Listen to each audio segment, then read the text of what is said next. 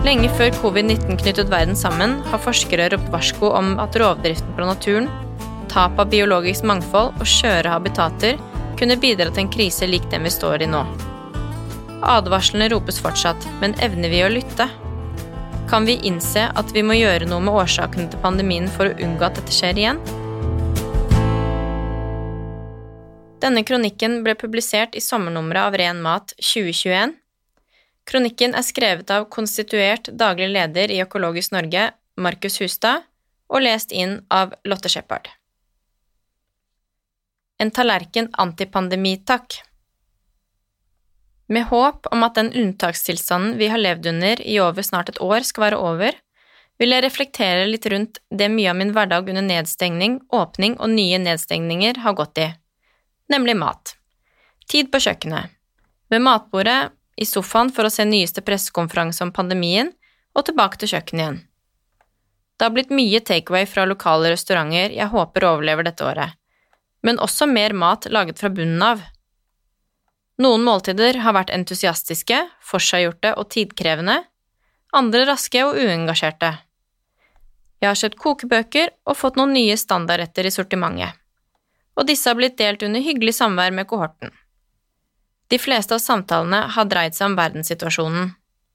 Ofte har det føltes som jeg har levd fra måltid til måltid. Monotone dager brytes opp av en og annen ny curryoppskrift og pandeminyheter. Pandemi er ikke fullt så sjelden som vi liker å tro. Spanskesyken, som man egentlig tror spredte seg fra USA, gikk rundt i verden tre bølger fra 1918. Den smittet over en tredjedel av verdens befolkning og tok livet av mellom 50 og 100 millioner mennesker. Til sammen 15 pandemier har rammet verden de siste 500 årene, og spanskesyken var den første av seks etter år 1900. Før covid-19 var det svineinfluensaen som herjet, i 2009. Den hadde langt lavere dødelighet og lavere smittefare.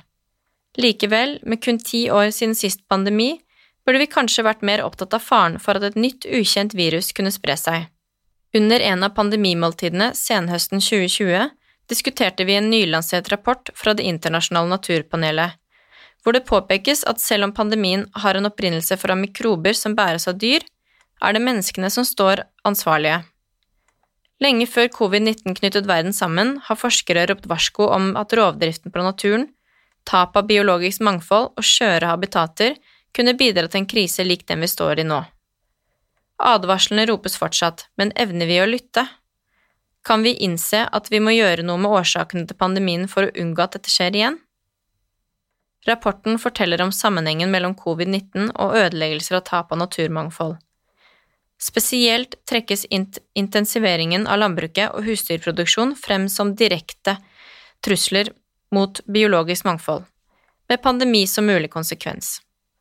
I Elfenbenskysten har 70% av regnskogen blitt hugget ned for å tilrettelegge for landets store kakao- og kaffeeksport. Dette leder igjen til at store flokker av flaggermus har flyttet til byen, og dermed kommer i nærkontakt med mennesker.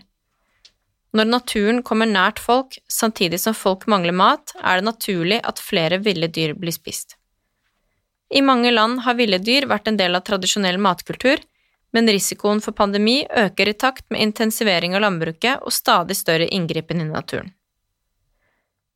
Intensivt landbruk står allerede for en tredjedel av verdens klimagassutslipp bruker det meste av verdens ferskvannsressurser, skader biologisk mangfold, forurenser og ødelegger matjord, tar livet av insekter og bidrar til hugging av skog og regnskog. Kirsebæret på toppen av denne uheldige kaka er også økt pandemifare.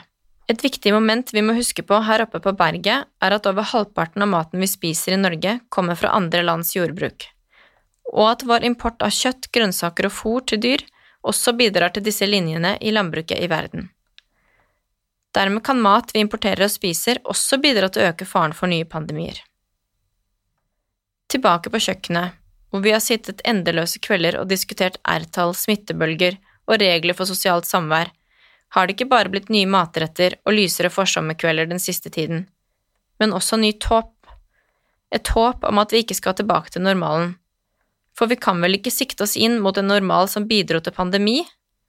Om den tidligere normalen har bidratt til rovdrift på naturressurser og tap av biologisk mangfold og, veien, og er veien til flere pandemier, kan vi redusere risikoen betraktelig ved å gå i motsatt retning, mot en ny normal. Måltidene fremover vil forhåpentligvis snart kunne inntas i større sosiale lag. Om vi skal høre på forskerne som vet mest om pandemier, burde også måltidene bestå av mer mat som ikke bidrar til rovdrift på naturen og tap av biologisk mangfold. Og om flere måltider må være antipandemiske, må de kanskje også være økologiske?